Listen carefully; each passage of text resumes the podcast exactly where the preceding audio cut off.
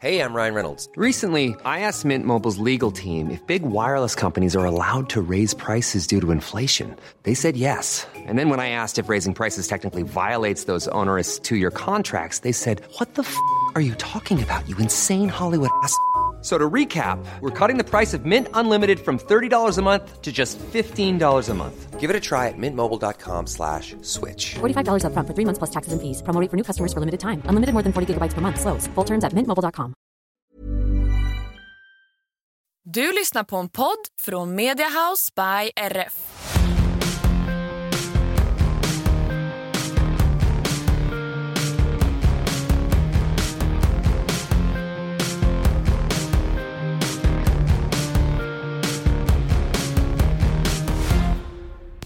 Hej och välkomna tillbaka till vår podd. Hur svårt kan det vara? Hur är läget med dig Tilde?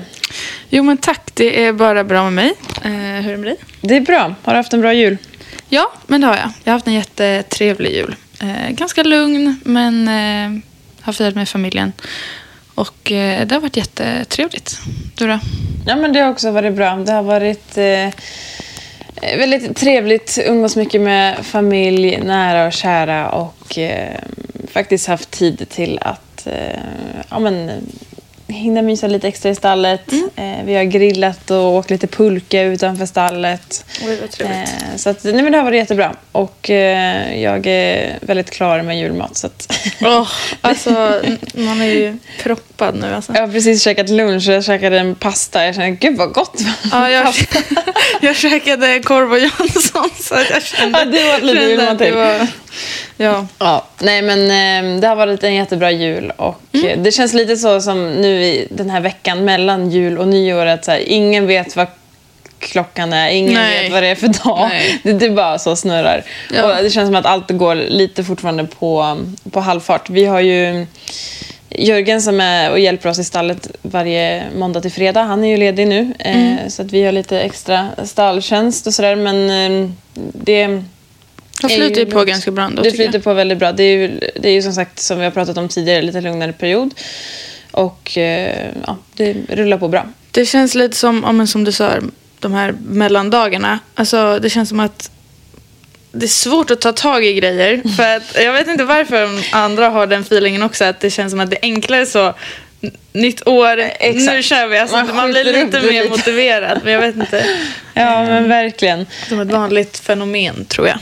Lite så. Men ehm, ja, nej men det, det har ehm, varit en bra jul, eh, julvecka men det ska bli skönt med nytt år och eh, lite ny tändning till nästa år. Ja. ehm, tänker jag.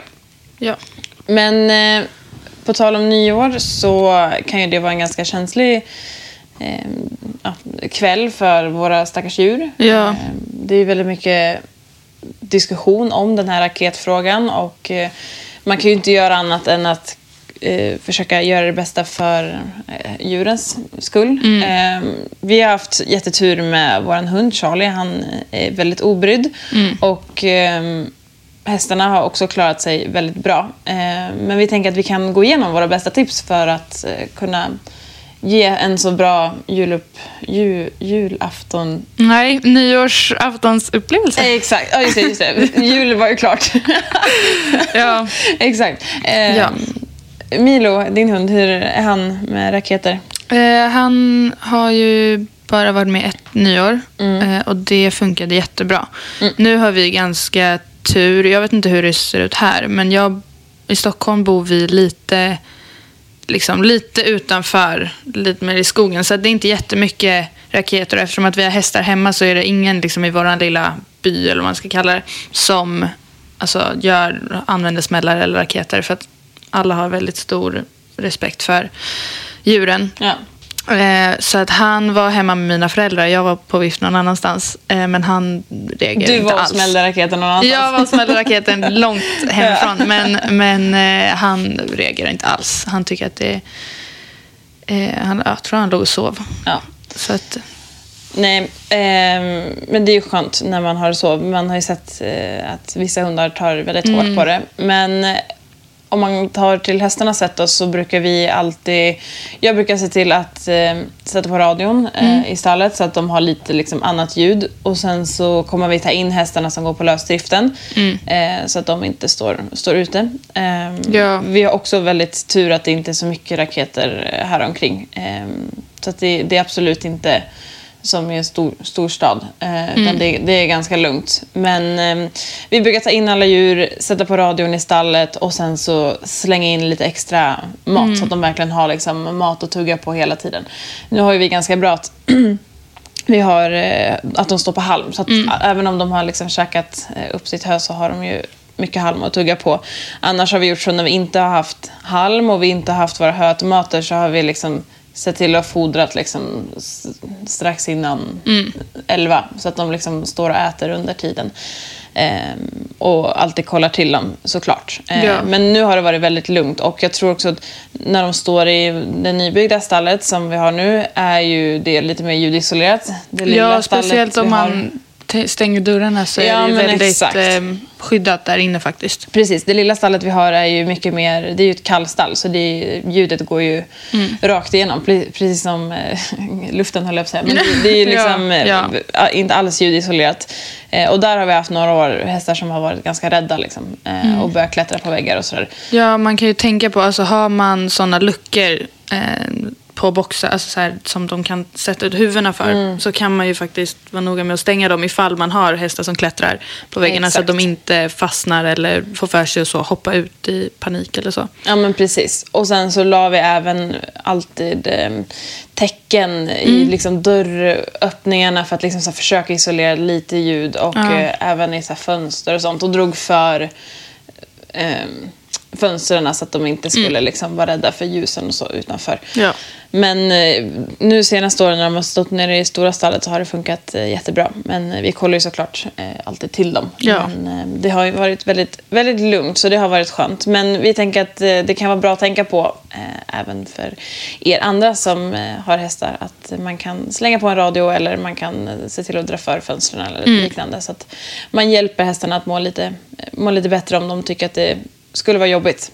Ja, och det är ju jätteindividuellt. Vissa hästar bryr sig inte alls. Och vissa tycker att alltså, allt sånt ljud är jättejobbigt. Ja, ja men precis. Och det som är lite svårt tycker jag... det- Jag tycker att raketer är jättefint att titta på men absolut inte värt eh, djurens Nej. eh, och miljöns eh, påverkan. Men ska man nu skjuta raketer så kanske man kan göra det då mellan eh, 12 och eh, kvart över 12 och sen är, kan det vara bra. Men det som är problemet här är att många tycker att här, det är lite kul att skjuta. Så man skjuter lite på eftermiddagen, man skjuter Ja. lite vid 8 och man skjuter lite vid 9 och sen så skjuter man jättemycket vid 12. Ja, sen, för det där kan jag tycka, alltså i alla fall i Stockholm, många barnfamiljer smäller ju tidigare Mm. Tidigt, ja. för att deras Exakt. barn går och lägger sig. Exakt. Ehm, och det kan jag ändå tycka är lite... Alltså delade meningar är väl kul att barnen ska få se, men det är också så här... Ja, Ja. lite för djurens skull. Men eh, det är i alla fall lite av våra tips för Mm. att ge djuren en bra eh, upplevelse. Hundarna Ja. är ju lite svårare, men de kan man ju oftast ta med in i huset. Ja, och de, de är ju lite enklare också att alltså, så här, lugna ner. De känner ju... Alltså, det är svårt att klappa på en häst och säga ja, stå lugn. Mm. Ja, hundarna, precis. hundarna känner ju liksom lite mer trygghet kanske Ja. i oss människor också. Man kanske får sätta på tvättmaskin och stänga in Ja. dem i dem badrummet li- eller något. ett ben eller något. Så. Ja. Nej, men eh, jag hoppas att alla ni lyssnare får en superhärlig nyårsafton och eh, framförallt att allas djur tar det bra. Ja. Vi hade tänkt att prata idag om eh, motgångar. Kanske inte så peppigt, peppigt Nej. ämne här inför nytt år och nya möjligheter. Men eh, motgångar är ju någonting som alla i ridsporten får känna på på ett eller annat sätt. Ja. Det är ju så med djur överlag, men framförallt i ridsport så man måste liksom lära sig att möta motgångar och kavla upp armarna och gå vidare. Men jag tänker att vi kan prata lite om våra motgångar och lite hur man kan tänka i en motgång och eh, lite tips hur man kan hamna på benen igen. Mm. Ehm, och du Tilde, du har ju, jag, jag vet ju att du har haft lite motgångar med skadade hästar eh, under åren som du har haft häst. Men vad har du annars haft för motgångar och vad har varit din värsta motgång? Alltså, utöver skadade hästar tror jag att de flesta motgångar har varit alltså, mentala. Att, ja men, i perioder att, man inte, att jag inte har trott på mig själv och inte liksom så stöttat mig själv och hur... Eh, att, ja men, det har bara känts som att så, jag kan inte, det går inte. Och det är mitt fel. Eh, att det är jag som är dålig. Och liksom så. Eh, och eh, för att annars så har det inte varit, jag har varit eh, väldigt eh, skyddad mig själv. Att jag inte har brutit ben och jag har inte haft några sådana kroppsliga eh, motgångar.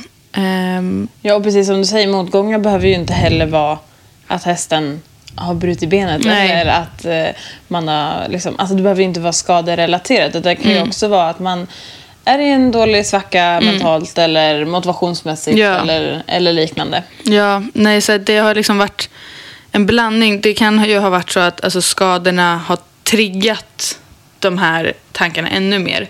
Eh, för att man får ju väldigt mycket mer tid att tänka tänkte jag säga, när, när man har skadade hästar. Och jag har lyckats, ja, alla mina hästar tänkte jag säga har på något sätt eh, blivit skadade. Och jag tror, alltså utöver ja, Cassis, hela den grejen så var nog alltså det, min största motgång när jag behövde ta bort min förra storhäst.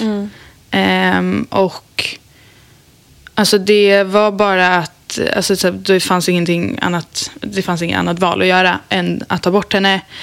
Och efteråt, det var jättesvårt att i början så acceptera Alltså det är okej att vara ledsen.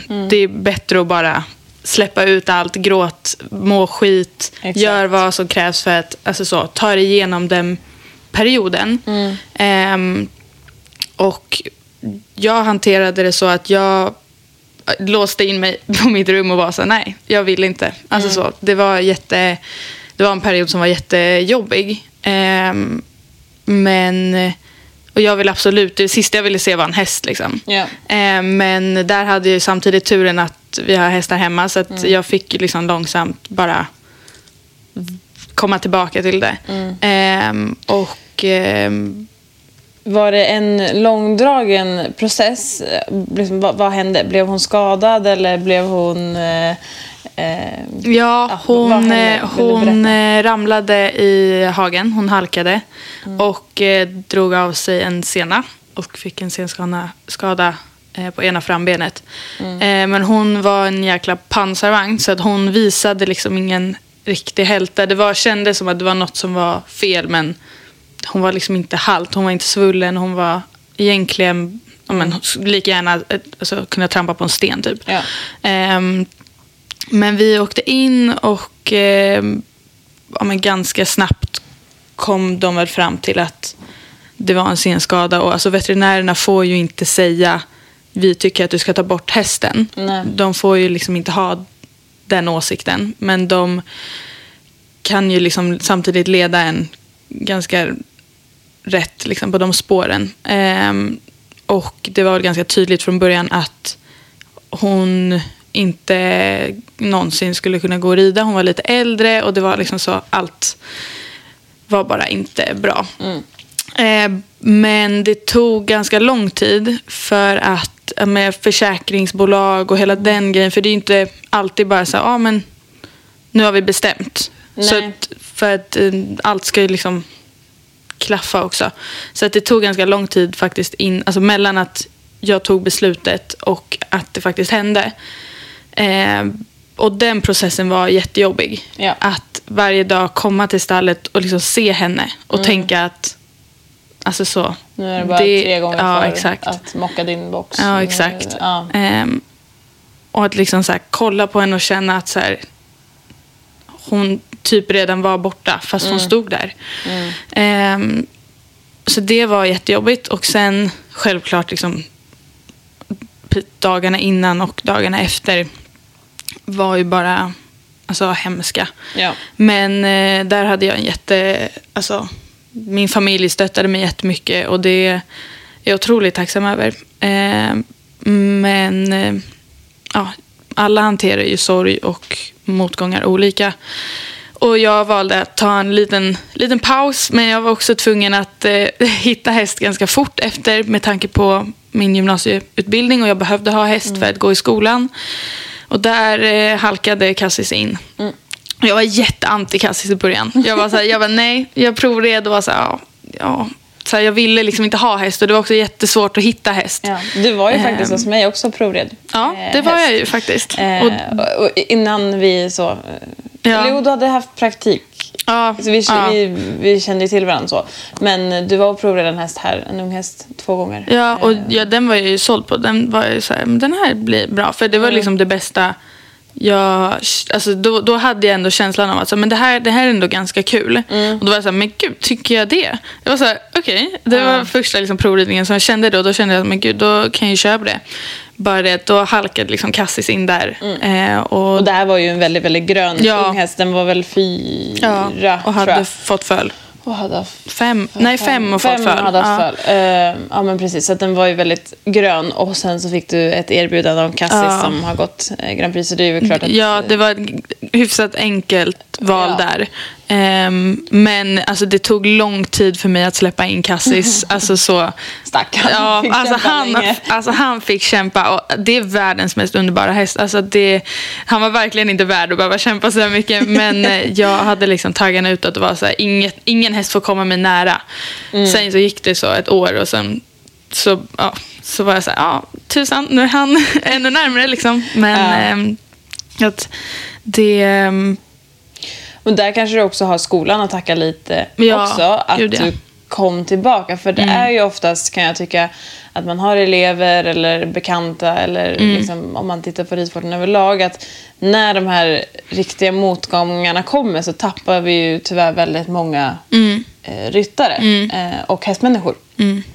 För att det är så pass jobbigt att ta sig upp ur dem. Och jag har själv varit med om att liksom tagit bort flera hästar och man tvivlar på vad det är man håller på med. Ja. Men en gång framförallt, där jag verkligen, alltså då var det också väldigt nära att jag sa nej, nu, nu är det bra. Ja. Eller nu vill, jag, nu vill jag inte mer. Eh, och det var, jag måste tänka vilket år det var, men det måste ha varit 2005, ja, årsskiftet 14-15 eh, var det. Och då hade jag en, min ponny Ojoj som jag tävlade eh, med framgångsrikt och eh, han skulle säljas och jag eh, skulle gå upp på storhäst. Jag hade Jullan, jag hade hittat en storhäst. Så jag hade liksom eh, turen eller- och möjligheten att kunna ha liksom kvar honom. Alltså köpa en storhäst, ha kvar ja. honom och så sälja honom. Även om det liksom inte var eh, för alltid så hade jag liksom möjligheten att kunna göra den övergången. Att köpa min storhäst först och sen sälja. Så att jag inte behövde stå liksom hästlös. Och sen så var jag ganska duktig på att hitta träningshästar. Och annat. Så det var ju alltid en massa hästar hemma. Men just där, eh, den perioden, så hade vi eh, då min storhäst, juniorhäst, och vi hade min ponny. Och sen så hade vi Elin, min systers eh, storhäst, E-Type. Ehm, och det började med att ehm, ja, vi var tvungna att ta bort Elins storhäst E-Type. Han hade haft ehm, syster i bakknäna i flera år som vi hade kunnat hjälpt honom med men till slut så kunde vi liksom inte hjälpa, hjälpa honom mer. Eh, Så han blev utdömd och fick tas bort. Ehm, och han... Eh, ja, det, liksom, det var ju jättetungt f- såklart för Elin och där tappade vi ju Elin. Alltså hon kommer ju aldrig liksom riktigt tillbaka och har inte ridit eller haft häst ordentligt sen dess. Ehm, och sen så var det ju egentligen mest jag som hade ridit honom på slutet. Men det var ju liksom Elins häst. Men, så ja, han fick vi ta bort. Eh, och dagen efter så var jag och jobbade på Broläten i ett stall som ligger några minuter ifrån. Och eh, då ringer Elin och skulle ta in hästarna och säger att oj, oj, min ponny har hoppat på tre ben. Eh, så att jag fick åka hem och eh, ja, vi fick liksom bara åka raka vägen till Sigtuna med honom och där visade det sig att han... Eller det började med att de trodde att det var en hovböld så att de liksom... Jag sa, men ta in, ta in och röntga hästen för att han... Eh, det, det är något som är väldigt fel. Ja. Men de kan ju också bli väldigt, väldigt halta utav en hovböld. Ja. Så att vi hade väl hoppat uppe och trodde att det skulle vara en hovböld men det visade sig så fort att vi hade varit på röntgen att det var en fraktur. Eh, han hade Mm. brutit benet. Eh, och så på den tiden var jag väldigt noga med så. De ska ha skydd i hagen Mm. och, och hela den biten. Så han, det var en C-ponny som gick i en grushage med skydd runt om. Alltså, det är liksom så. Han gick själv. Mm. Eh, men han lyckades på något sätt bryta benet i hagen dagen efter då. Vi hade tagit bort E-Type. Ehm, och eh, ja, det var egentligen inte så mycket att göra. Det här var ju såklart en så här söndagkväll som vanligt. Ja. Så att, eh, han fick stå kvar på Sigtuna över natten. Eh, vi höll ju på där liksom fram till natten. Men sen vi åkte hem, lämnade honom och måndag morgon när alla veterinärer var tillbaka på jobbet så hörde de av sig och sa att det, det är inte så mycket att göra. Eh, han kommer aldrig ja, bli en... Alltså så här, eventuellt kunna bli en sällskapshäst efter så, operationer och Ja. hängmatta i ett halvår. Ja. Och det är ju inte eh, Det är inte värdigt kanske. Nej men precis. Ehm, så att eh, då hade jag ju bara min juniorhäst kvar och henne kunde vi inte ha kvar hemma själv. Så att henne Just ställde jag då på Brolöten där jag jobbade och tränade. Ehm, och den perioden var sjukt tuff. Mm. Eh, då var ju ingenting kul och jag kände såhär, nej, ja, jag får väl liksom, jag får väl ta och rida den här juniorhästen då. Mm. Och sen så när jag har gjort det och ja, det är klart så vill jag inte ha något mer. Eh, för att jag kände att det var liksom inte värt att gå in i de här relationerna med de här djuren när det gör så sjukt ont att Ja. förlora dem. Ja. Och det gör man ju. Ja, Alltså- gör man alltså ofrivilligt Ja, så, så. Man skapar man ju band. Nej. Nej. Och man kan ha jättetur och ha hästarna i jättemånga år men man kan också ha en jäkla otur och eh, stöta på många sådana här tuffa Jag eh, tänkte säga motgångar på Jag har, ju, jag har ju liksom aldrig lyckats ha en häst över ett och ett halvt år typ. Nej. Alltså, jag har ju varit så avundsjuk på alla mina kompisar som var så, åh fyra år, jag var så här, Ja. sex månader, alltså tack så mycket. Och det har Ja. liksom varit med, med alla. Ja, exakt. Nej men så då hade vi ju henne och jag har aldrig haft en häst uppstallad. Vi har alltid haft hästarna hemma. Eh, och då är det så här, men det kanske är ganska skönt att så ha henne uppstallad, ha en häst. Jag åker dit efter skolan, tar hand om henne Och sen är det klart. och sen är jag klar. Eh, och det har liksom aldrig varit likt mig. Jag har Nej. alltid velat vara ute i stallet, Ja. ha mycket hästar. Och, Hey, folks, I'm Mark Marin from the WTF Podcast, and this episode is brought to you by Kleenex Ultra Soft Tissues, your ally to help tackle your allergy symptoms this season. I love the change of seasons, but nobody loves pollen and all those other things floating in the air that make you sneeze during this nice weather. Kleenex Ultra Soft Tissues are hypoallergenic and allergist approved, so fight back against watery eyes and runny noses without worrying about irritating your skin. For this allergy season, grab Kleenex and face allergies head on. Hiring for your small business? If you're not looking for professionals on LinkedIn, you're looking in the wrong place. That's like looking for your car keys in a fish tank. LinkedIn helps you hire professionals you can't find anywhere else, even those who aren't actively searching for a new job but might be open to the perfect role. In a given month, over 70% of LinkedIn users don't even visit other leading job sites. So start looking in the right place. With LinkedIn, you can hire professionals like a professional. Post your free job on linkedin.com/people slash people today. alltid vill ha mycket att rida. Eh, men då var jag väldigt så, nej nu, nu får det vara bra liksom. Eh, men sen så dröjde det väl kanske en tre Var dagar. det inte här någonstans Lassie kom in i kom Lasse bilden? in i bilden. Ja, Ja, exakt. okej. Jag tror det tog tre dagar och sen så ringde Elin och sa att eh, jag har köpt en häst. Och jag var så här, "Åh." Och det är också så typiskt Elin för att hon är så spontan och hon tar tag i saker och jag är så här, "Åh", jag gick där och var ledsen och tyckte Ja. livet var skit liksom. Ehm, men eh, hon eh, hade mm, då sett den här hästen på film och eh, köpt henne från Danmark. Och jag var så här, ja men vad bra, för jag tänker inte rida så att då får ju du rida. Och Elin sa, nej jag tänker inte rida så du får rida. Ja, ja. och så jag här, "Åh, nej. Eh, men sen så, så, hon hann ju bara komma hem och så sa jag, den är min. så att, Ja. ja. ja, det var en eh, svår häst att inte tycka om. Ja, det var Faktiskt. väldigt, eh, ja, väldigt eh, svår att inte tycka om. Ja. Men eh, Det var ju väldigt bra gjort av henne. För att hon känner ju mig egentligen, så hon vet ju att... Så det blev lite så räddningen att du bara kände att du ville fortsätta eller? Ja, men exakt. Hon kom hem och då kunde vi ta hem ehm, Julan. Ja, Jullan. Och eh, då hade jag ju två hästar hemma och sen så var jag ganska snabb med att fylla upp de andra två boxarna också. Så till slut Ja. var det ju liksom full Tillbaka stall och tillbaka Ja. igen. Och eh, sen dess har jag liksom inte haft tankarna till att Nej. vilja minska ner eller eh, inte fortsätta. Liksom. Mm. Det är ju skönt. Ja, nej, alltså jag var ju ganska säker nu, alltså för några veckor sedan, någon månad sedan, att eh, när jag trodde att vi skulle behöva ta bort Cassis, då var jag he- 100% övertygad om att eh, det var, då, var det, då var jag klar. Ja. Ehm, nu är jag otroligt glad att det inte blev så. För det, ju, det var inte det jag ville, men jag bara säger jag kommer aldrig palla. Det Nej. kommer aldrig gå. Um, med så tätt. Alltså jag tog bort min förra stora alltså för något år sedan bara. Mm. Så att jag är väldigt glad att eh, det inte blev så. För att Ja. då hade jag känt att eh, nu vill jag aldrig mer alltså, se en häst. Då hade jag varit så bommat igen mina fönster hemma hos mamma och pappa så att jag inte såg ut i stallet. Ja, men det är väl lite så. Man går väl in i någon form av liksom, eh, skyddsmekanism Ja. själv. Liksom, att eh, skydda sig själv. För att det är tufft alltså. Det är jäkligt tufft. Och oavsett...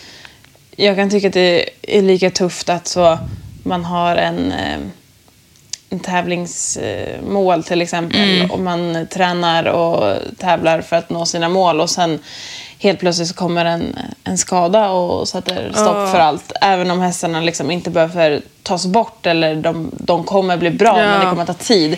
Det kan ju vara lika jäkla tufft det. Gud, ja. Och framförallt kan man ju tappa motivationen något otroligt Mm. genom att så gå 20 minuters promenader i några månader. Ja, speciellt om man lyckas få skador alltså den här årstiden. Mm. Det är inte mycket som kan göra alltså, de promenaderna roliga.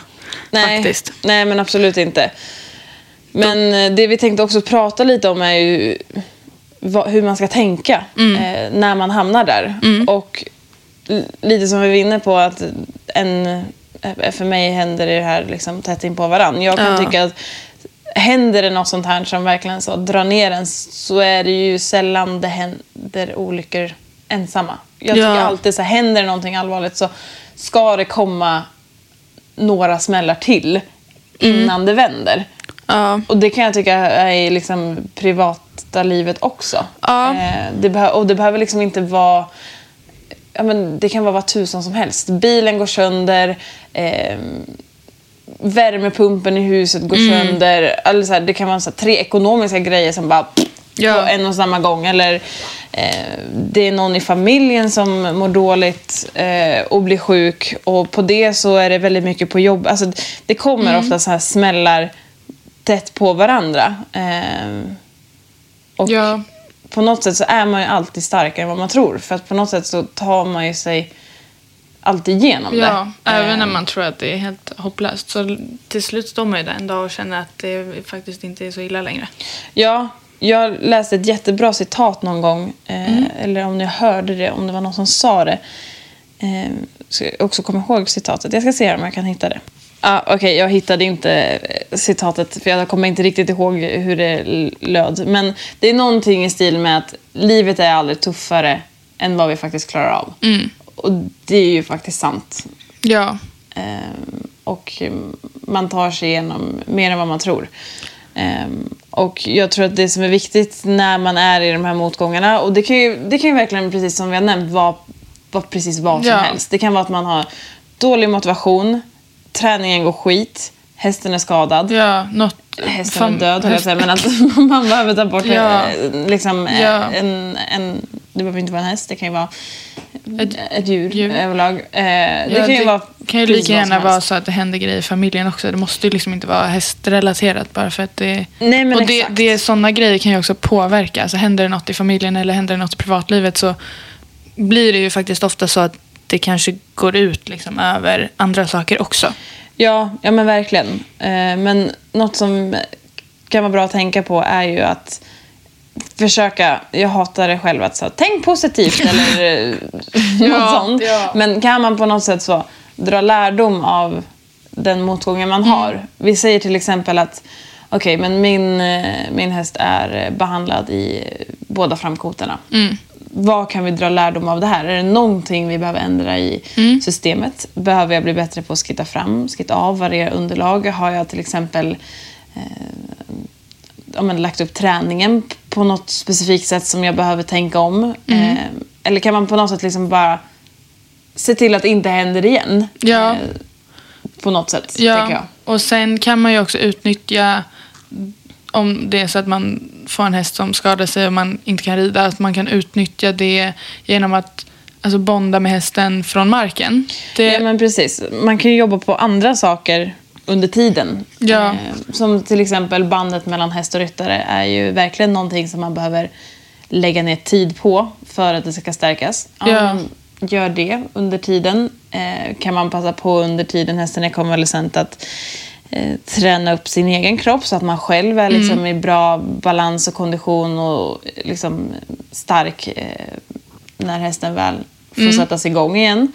Eh, eller kan man passa på att lägga tiden på så, rensa upp eh, det där skåpet man aldrig hinner rensa, laga eh, sadeln eh, för att den har varit trasig i flera månader Ja. och man inte kan skicka iväg den. Alltså så här, göra saker som känns att så här, när vi väl får sätta igång igen så är allting redo Klart. och Ja, klart. exakt. Och det kan ju också i sin tur liksom bygga upp motivationen lite. Att man, ja, man liksom fortfarande så känner att man, ja, men vi gör det här nu så när vi väl får sätta igång då jäklar. Mm. Ehm, ja, tänker jag.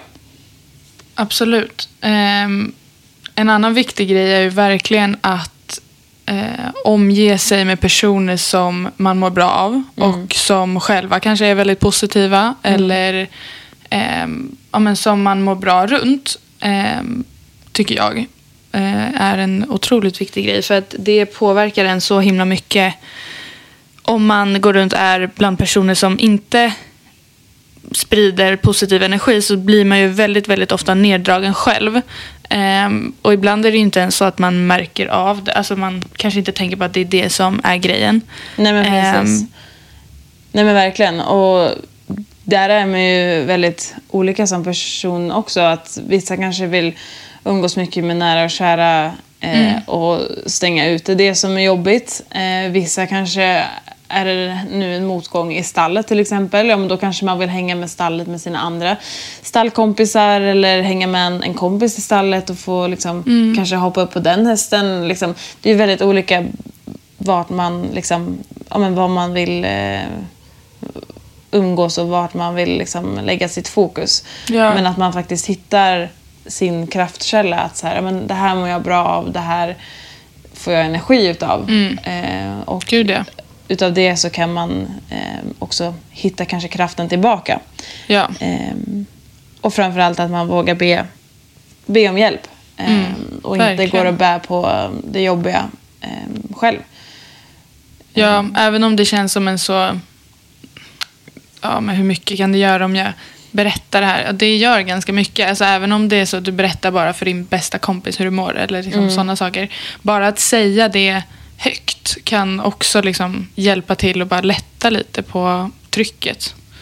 Ja, men absolut. Eh, och, och framförallt att så här, öppna upp sig. Så här, jag, jag har svårt med det här. Så den personen som du så öppnar upp dig för, den kanske har hjälp att komma med. Eh, har du kört fast dig med sin häst, ring din tränare och säg att hej, vi kanske inte har sett på några veckor, men eh, jag behöver din hjälp. Ja. Eh, kan jag komma och träna? Ja. Eller liksom vad som.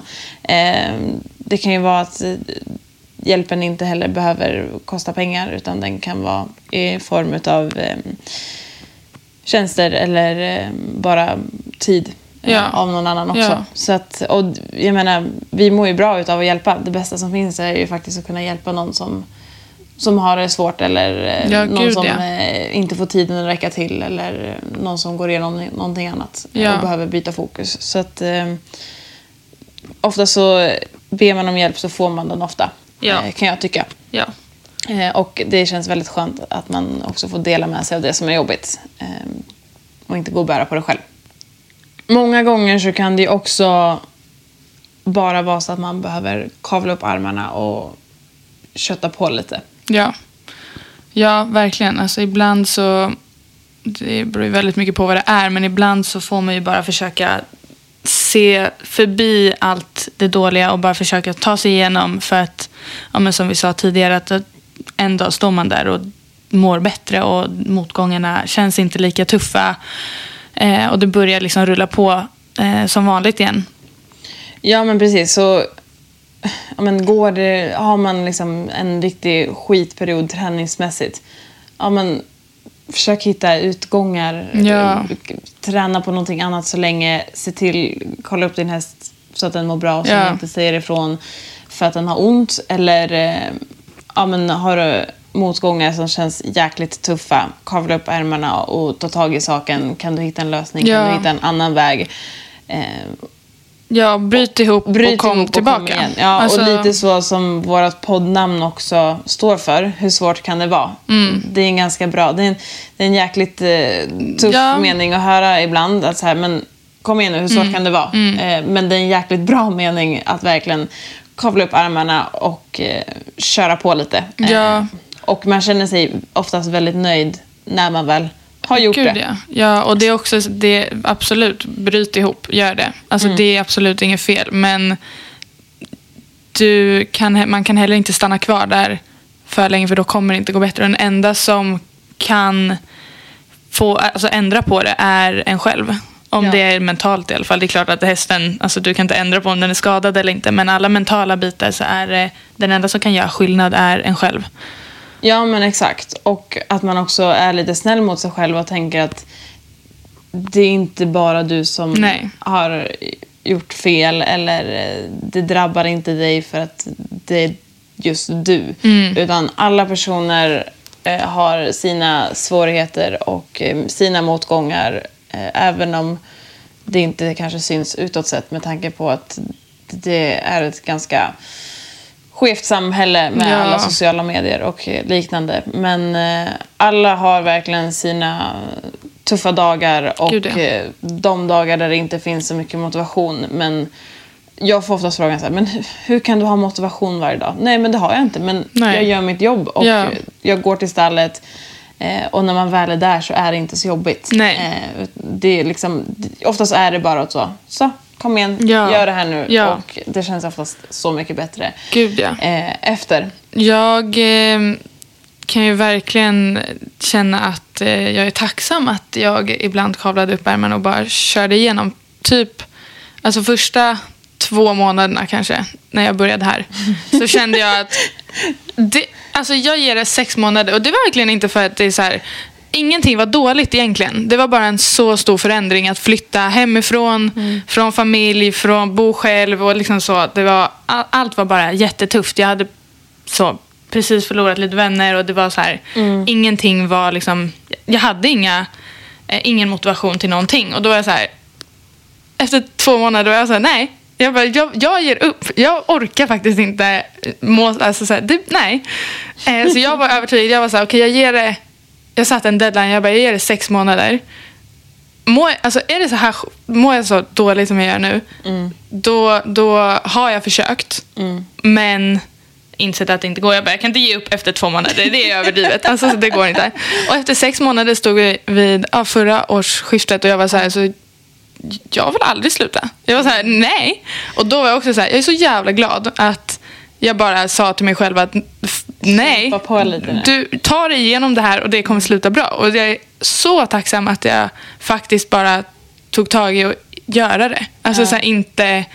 Och det var verkligen, alltså så här, snälla jag hade aldrig haft ett bättre jobb. Det var absolut inte det som var grejen. Det var bara så, all, allt bara kändes som att det så fallerade typ. Ja. Personligt liksom. Ja men precis. Och jag kommer ihåg när du berättade det här för mig och vi så skrattade åt det då. Ja. Men att här, jag var ju jätteovetande. Jag, Ja. alltså, jag märkte ju inte det på något sätt. Det Du var ju väldigt, professionell. bra att du inte gjorde det. Det hade skitjobbigt om du så. Åh gud vad jobbigt jag hade haft det då. Kände Ja, att här, tvingar jag alltså- den här människan att flytta hemifrån för att hon ska jobba hos mig.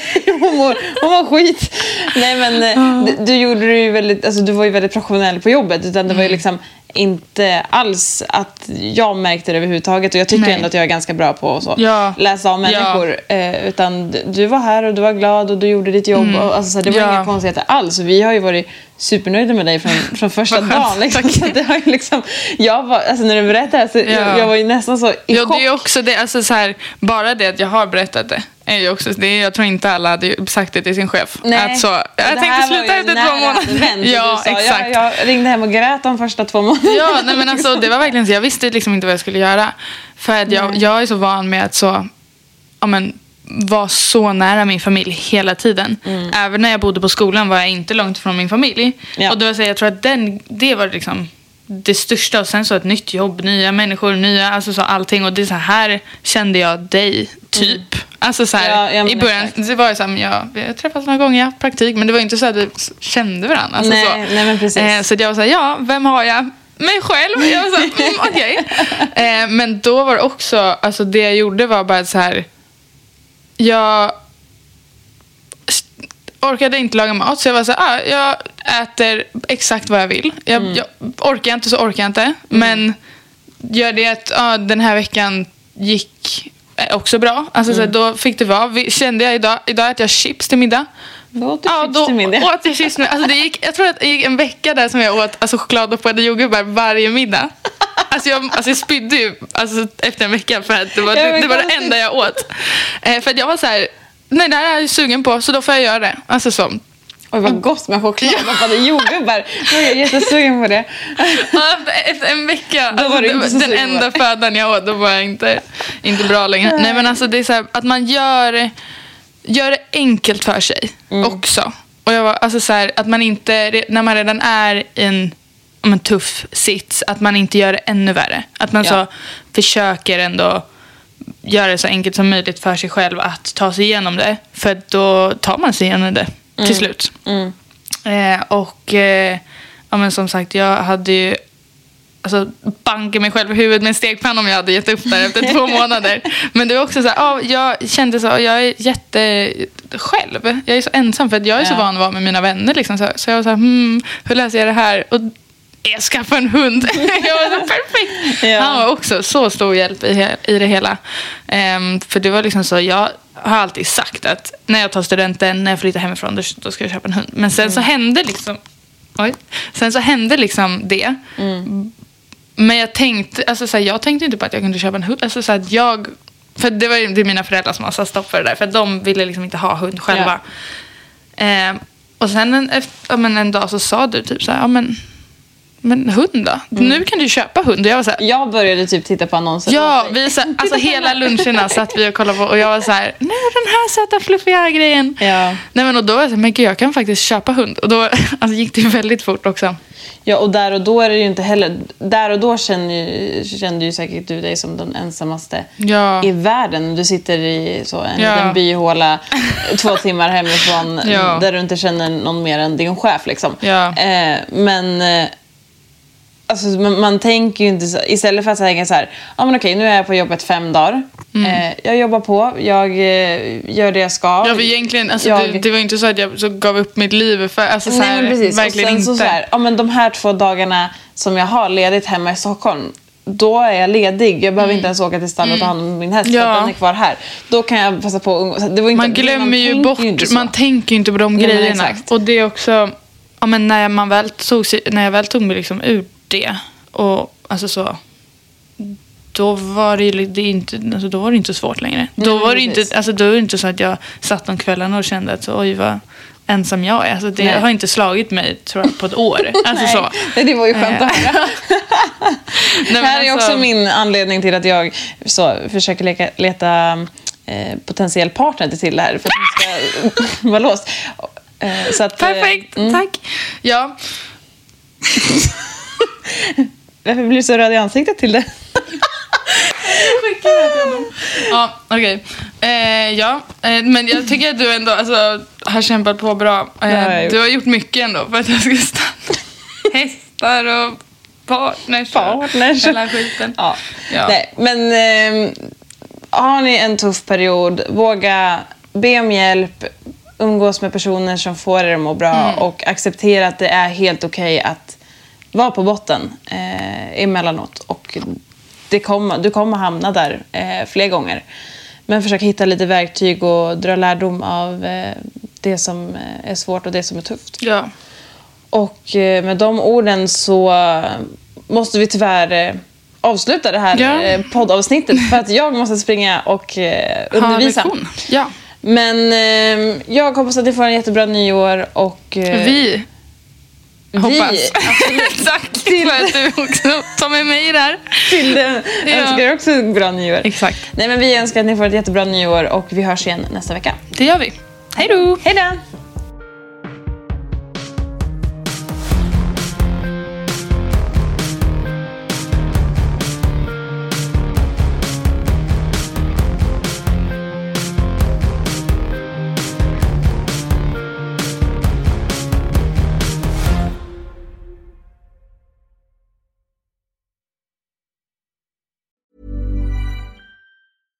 Hey, it's Paige DeSorbo from Giggly Squad. High quality fashion without the price tag. Say hello to Quince.